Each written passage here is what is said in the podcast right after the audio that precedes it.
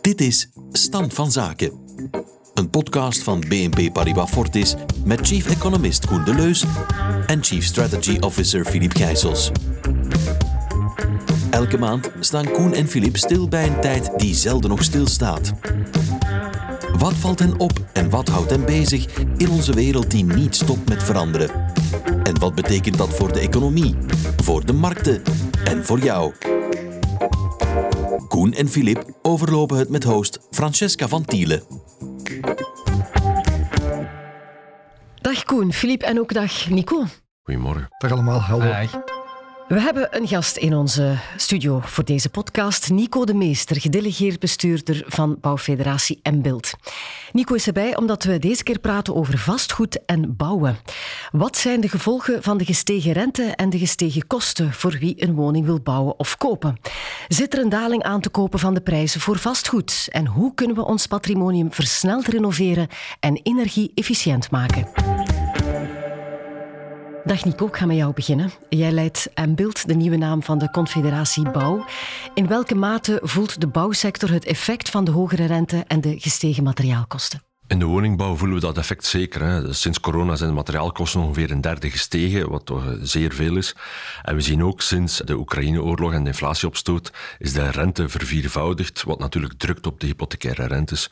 Dus beide factoren samen zorgen toch wel voor een serieuze afkoeling in de woningmarkt. Mm Koen, zie jij dat ook in de cijfers weerspiegelt, die afkoeling waar Nico het over heeft? Wel, we zien dan inderdaad wel een spectaculaire daling van de afgesloten leningen en aanvragen ook voor nieuwe leningen. En nu om dat een klein beetje te situeren, als we gaan kijken naar het aanvragen van nieuwe leningen over de voorbije maanden, dan zie je dat daar toch wel een daling is met een derde ten opzichte van een jaar geleden. En dat is ja, toch wel het slechtste wat we ooit al hebben gezien sinds 2005. Nu, ik zou denken, hogere rente, dat zorgt dan voor een neerwaartse druk op de prijzen, dat huizen dus goedkoper zouden worden. Wat denk jij, Nico? De markt is momenteel een beetje bevroren. Men is aan het heronderhandelen.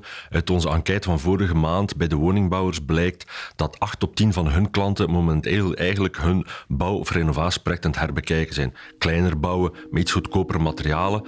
Dus men wil eigenlijk wel doordoen, maar men raakt er niet meer met zijn budget. Dus alles staat eventjes on hold, omdat het bouwproject en de financiering ervan moeten herbekeken worden. We hopen dat zich dat gaat herstellen, maar dat gaat nog wel enige tijd vergen.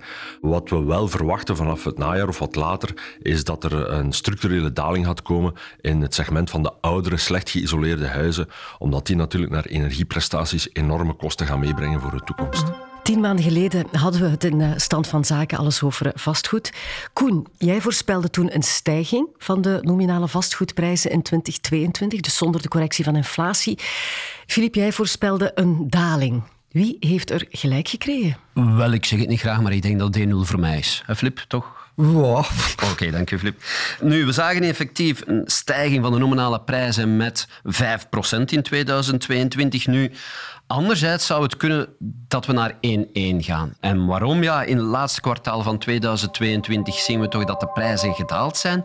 En voor heel 2023, en eigenlijk van piek tot bodem, verwachten we een daling van de nominale prijzen met 3 nou, dankjewel, Koen. Het is wel een beetje gebeurd, zoals we hebben gezegd ook. Hè. Dus we verwachten nu ook niet meteen een crash natuurlijk op die vastgoedmarkt, maar je dus wel ziet een soort van afkoeling. Dat is normaal wat je ziet in de eerste fase. Hè. Kopers en verkopers beginnen verder van elkaar af te zitten qua prijs. Dan droogt eerst de markt op en dan daarna beginnen de prijzen waarschijnlijk een beetje te zakken. Maar ik denk niet dat we echt naar een crisis zitten te gaan, zoals we in Amerika of een aantal andere plaatsen een tijd geleden gezien hebben, want er zit niet te veel leverage in de Belgische vastgoedmarkt. Dus in die optiek gaat het nog wel meevallen. De cruciale factor is eh, de rente. Hoe zie jij de verdere evolutie van eh, die rente, Koen? Wel, die nominale rente is al stevig gestegen. We zitten bij de hypotheekrentes van 1% naar 4%. Nu, ik denk dat we ook heel veel aandacht moeten hebben voor die reële rente. En dat is toch wel iets complexer. Als we gaan kijken naar die reële rente, ja, dat is de nominale rente min het inflatiepercentage. Maar natuurlijk, dat is hetgeen dat de mensen effectief in de portefeuille voelen. Als je even gaat kijken hoe dat, dat speelt, ja, dan zie je mensen die een lening hebben afgesloten, laten we zeggen in 2020 of 2021 21 aan 1,4 procent. En dan zie je ineens die inflatie stijgen en dan gaat inderdaad die reële rente heel zwaar onderuit, want dan wordt eigenlijk je lening afbetaald door die stijging van de inflatie. En dat is natuurlijk schitterend voor de mensen die effectief in 2021 hun lening hebben afgesloten, want die automatische loonindexering zorgt ervoor dat ja, je afbetaling eigenlijk gewoon weggaat.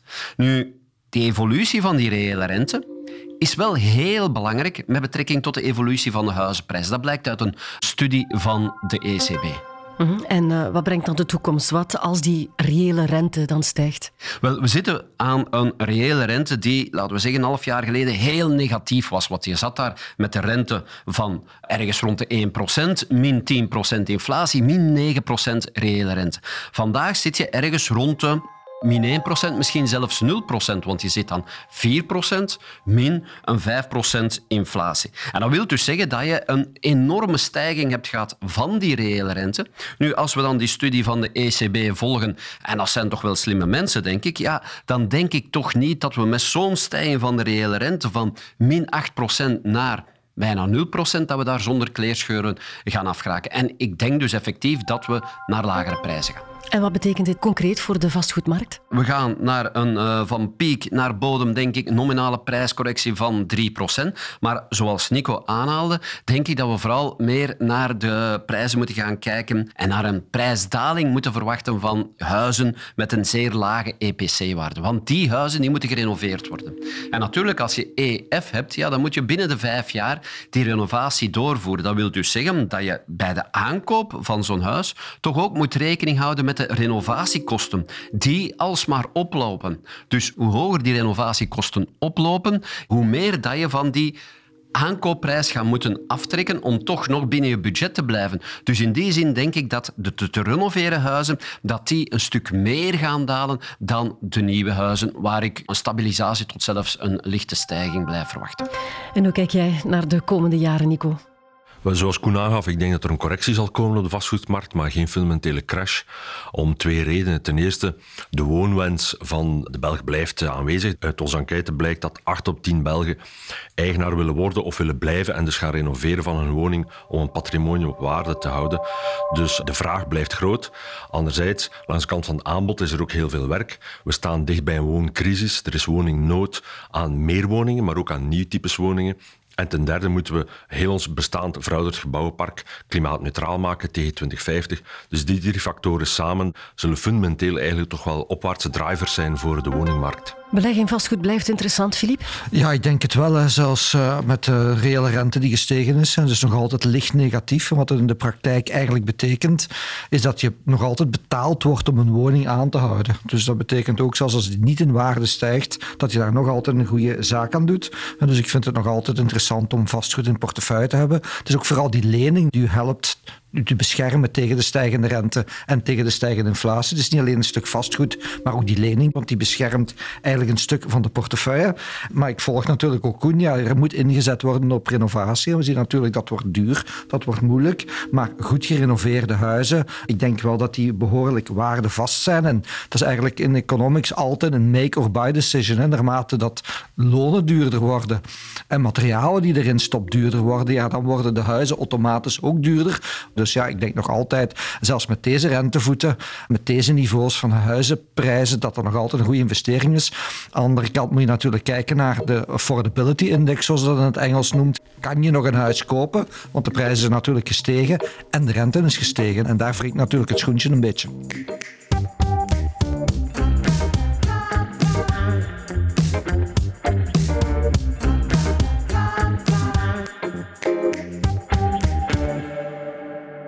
Is de grote vraag, Nico, hoe houden we wonen betaalbaar, zeker in het licht van de renovatieverplichting in Vlaanderen en ook de energiedoelstelling voor 2050? Elke actor zal daarbij zijn verantwoordelijkheid moeten opnemen. De bouwsector zelf allereerst natuurlijk, maar ook de overheden en de banken. Laat ik beginnen bij onze eigen verantwoordelijkheid als bouwsector. We kunnen eigenlijk veel sneller, beter en ook goedkoper bouwen als we veel meer zouden standaardiseren en prefabriceren. Er is vorige week nog een experiment geweest in Vlaanderen waarbij dat we eigenlijk op 48 uur zes nieuwe huizen installeren, volledig afgewerkt, instapklaar en operationeel. Dus dat kan perfect, maar dat vereist eigenlijk dat we in plaats van een huis te bouwen ter plekke, dat we een huis gaan prefabriceren in bouwfabrieken en dan nog enkel assembleren op de site zelf. Als we dat gaan doen, gaan we veel sneller, maar ook goedkoper kunnen bouwen, zonder verlies aan kwaliteit. Prefab, dat heeft negatieve connotaties sinds de jaren 60 of 70. De prefab 2.0 is zeer kwalitatief en ook geïndividualiseerd voor iedereen. Wat verwachten jullie van de banken? Waar we voor staan is die enorme renovatieverplichting, zoals uh, Koen en Flip aanhaalden, en verwachten dat de banken daarvoor producten ter beschikking stellen. Die hypothecaire lening zou eigenlijk verhoogd moeten worden met het bedrag voor de renovatie. Daardoor kunnen mensen tot 300 euro per maand besparen en dat uitgespaard bedrag aan energiekosten zou moeten teruggestort worden aan de banken. En op die manier kunnen we eigenlijk een renovatie financieel gaan ondersteunen door een hogere terugbetalingscapaciteit bij de particulieren. Ja, lijkt je dat uh, een goed idee, Koen? Wel, ik ben wel te vinden voor dat principe. Zeker omdat je toekomstige uitgaven aan energie gaat vermijden. Maar je moet natuurlijk als bouwheer er wel voor zorgen dat die renovatie grondig gebeurt. En natuurlijk dat dat ook zo snel als mogelijk gebeurt, want dan ga je natuurlijk het meeste besparen. Nico, je sprak daarnet ook over de rol van de overheid. Wat verwacht de bouwsector van onze overheden? De overheden moeten eerst en vooral de doelstellingen uh, zuiver zetten, maar ook de nodige middelen voorzien om uh, de renovatiegolf te financieren. Wat de doelstelling betreft is het zo dat wij vandaag ongeveer 1% per jaar van ons woningpark renoveren, uh, maar dat is veel te weinig. Je moet weten dat driekwart van onze woningen dateert van voor 1985 en die zijn eigenlijk totaal ongeschikt voor de toekomst. We zouden eigenlijk drie keer, vier keer meer dan vandaag moeten gaan renoveren. Dus die doelstelling zou toch wel harder moeten worden gezet, maar ook meer mogelijk moeten worden gemaakt. Maar er zijn toch al heel wat uh, premies, vooral regionale, voor energetisch renoveren. Volstaan die dan niet? Die verstaan op zich niet, want dat is maar een druppel op een hete plaat. Een van de grootste kosten blijft de BTW. Die staat momenteel op 6% voor renovatie en ook voor sloop en heropbouw. En dat zou zeker zo behouden moeten blijven voor de toekomst, want dat is eigenlijk een structurele kost die we moeten vermijden voor de komende 10 jaar. Eh, we pleiten er dan ook voor dat in het kader van de fiscale hervorming er niet geraakt wordt aan dat verlaagd BTW-tarief. En dat wat sloop en heropbouw betreft, dat dat verlaagd tarief eigenlijk verlengd wordt voor de komende 10 jaar. Ja, en wat moet er dan verder nog gebeuren, Nico? Wel, we hebben nu over woningbouw gesproken, maar als je echt je woningpark klimaatneutraal wilt maken, moet je nog twee zaken daarbij doen. De overheid heeft zelf ook een heel patrimonium aan overheidsgebouwen, hè, eh, voor hun administraties, maar ook scholen, ziekenhuizen, OCME-gebouwen. Uh, ten derde moet men ook de basisinfrastructuur aan nutsvoorzieningen gaan uh, vernieuwen. Hè.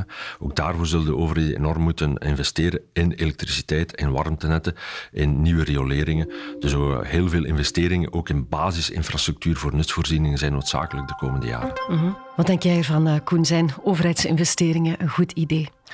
Wel, als econoom is dat natuurlijk zeer moeilijke vraag, maar ik denk vandaag dat zo'n groene industriële politiek wel op zijn plaats is. Als we nu gaan kijken naar de afgelopen decennia waar zo'n industriële politiek gevoerd is, ja, dan heb je bijvoorbeeld landen als China, heb je bijvoorbeeld Zuid-Korea. En dan kan je toch wel zeggen dat daar gigantische dingen gerealiseerd zijn qua welvaart, qua infrastructuur. Maar natuurlijk, wat je daar ook vaststelt, is dat je daar met overcapaciteit zit. Anderzijds, wat je vandaag ziet, en dat is wat Nico ook aanhaalt, is dat we te weinig capaciteit hebben. Dat er te weinig gebeurt om die klimaattransitie eigenlijk tot een goed einde te brengen. En dat is een marktfalen. En dat marktfalen gaat niet door de markt opgelost worden. Dat gaat alleen maar door de overheid kunnen opgelost worden. Vandaar dat dus die overheidsinvestering, denk ik, effectief wel nodig is maar nogmaals, let op voor die marktverstorende elementen die traditioneel gepaard gaan met zo'n industriële politiek. Maar we krijgen toch ook altijd maar te horen dat er geen geld is, want die overheidsschulden die zijn al bijzonder hoog. Die zijn inderdaad heel hoog. We hebben het er al een paar maal over gehad. Dus daarom denk ik dat er een goede oplossing ligt in publiek-private samenwerking, waarbij dat de overheid zich garant stemt en dat daarnaast dan de privé komt en een inleg van de overheid maal 10 of soms maal 20 gebeurt. Nu, anderzijds is het niet alleen geld nodig, er is ook een vereenvoudiging van de wetgeving nodig. Als we gaan kijken naar de procedures om een windmolenpark te gaan bouwen, ja, dat duurt vijf à tien jaar voordat daar een goedkeuring is. Plus, er moet genoeg getraind personeel zijn. Ja, die puzzel moet in elkaar vallen en dan alleen zullen we erin slagen om snel die transitie te doen.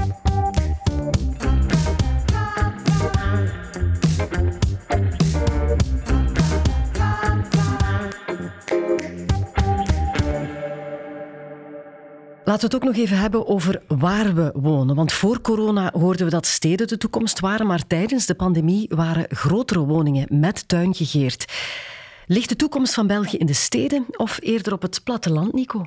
De toekomst zal toch eerder in de steden liggen. De stadstrek blijft nog altijd in de mode en is ook goed, hè, gegeven de bouwshift en het feit dat we daar betere voorzieningen kunnen geven aan alle types mensen, jongeren, ouderen, koppels met kinderen en dergelijke meer. We hebben inderdaad een tijdelijke knik gezien door corona, maar fundamenteel gaan de steden wel aan zet blijven voor de komende jaren.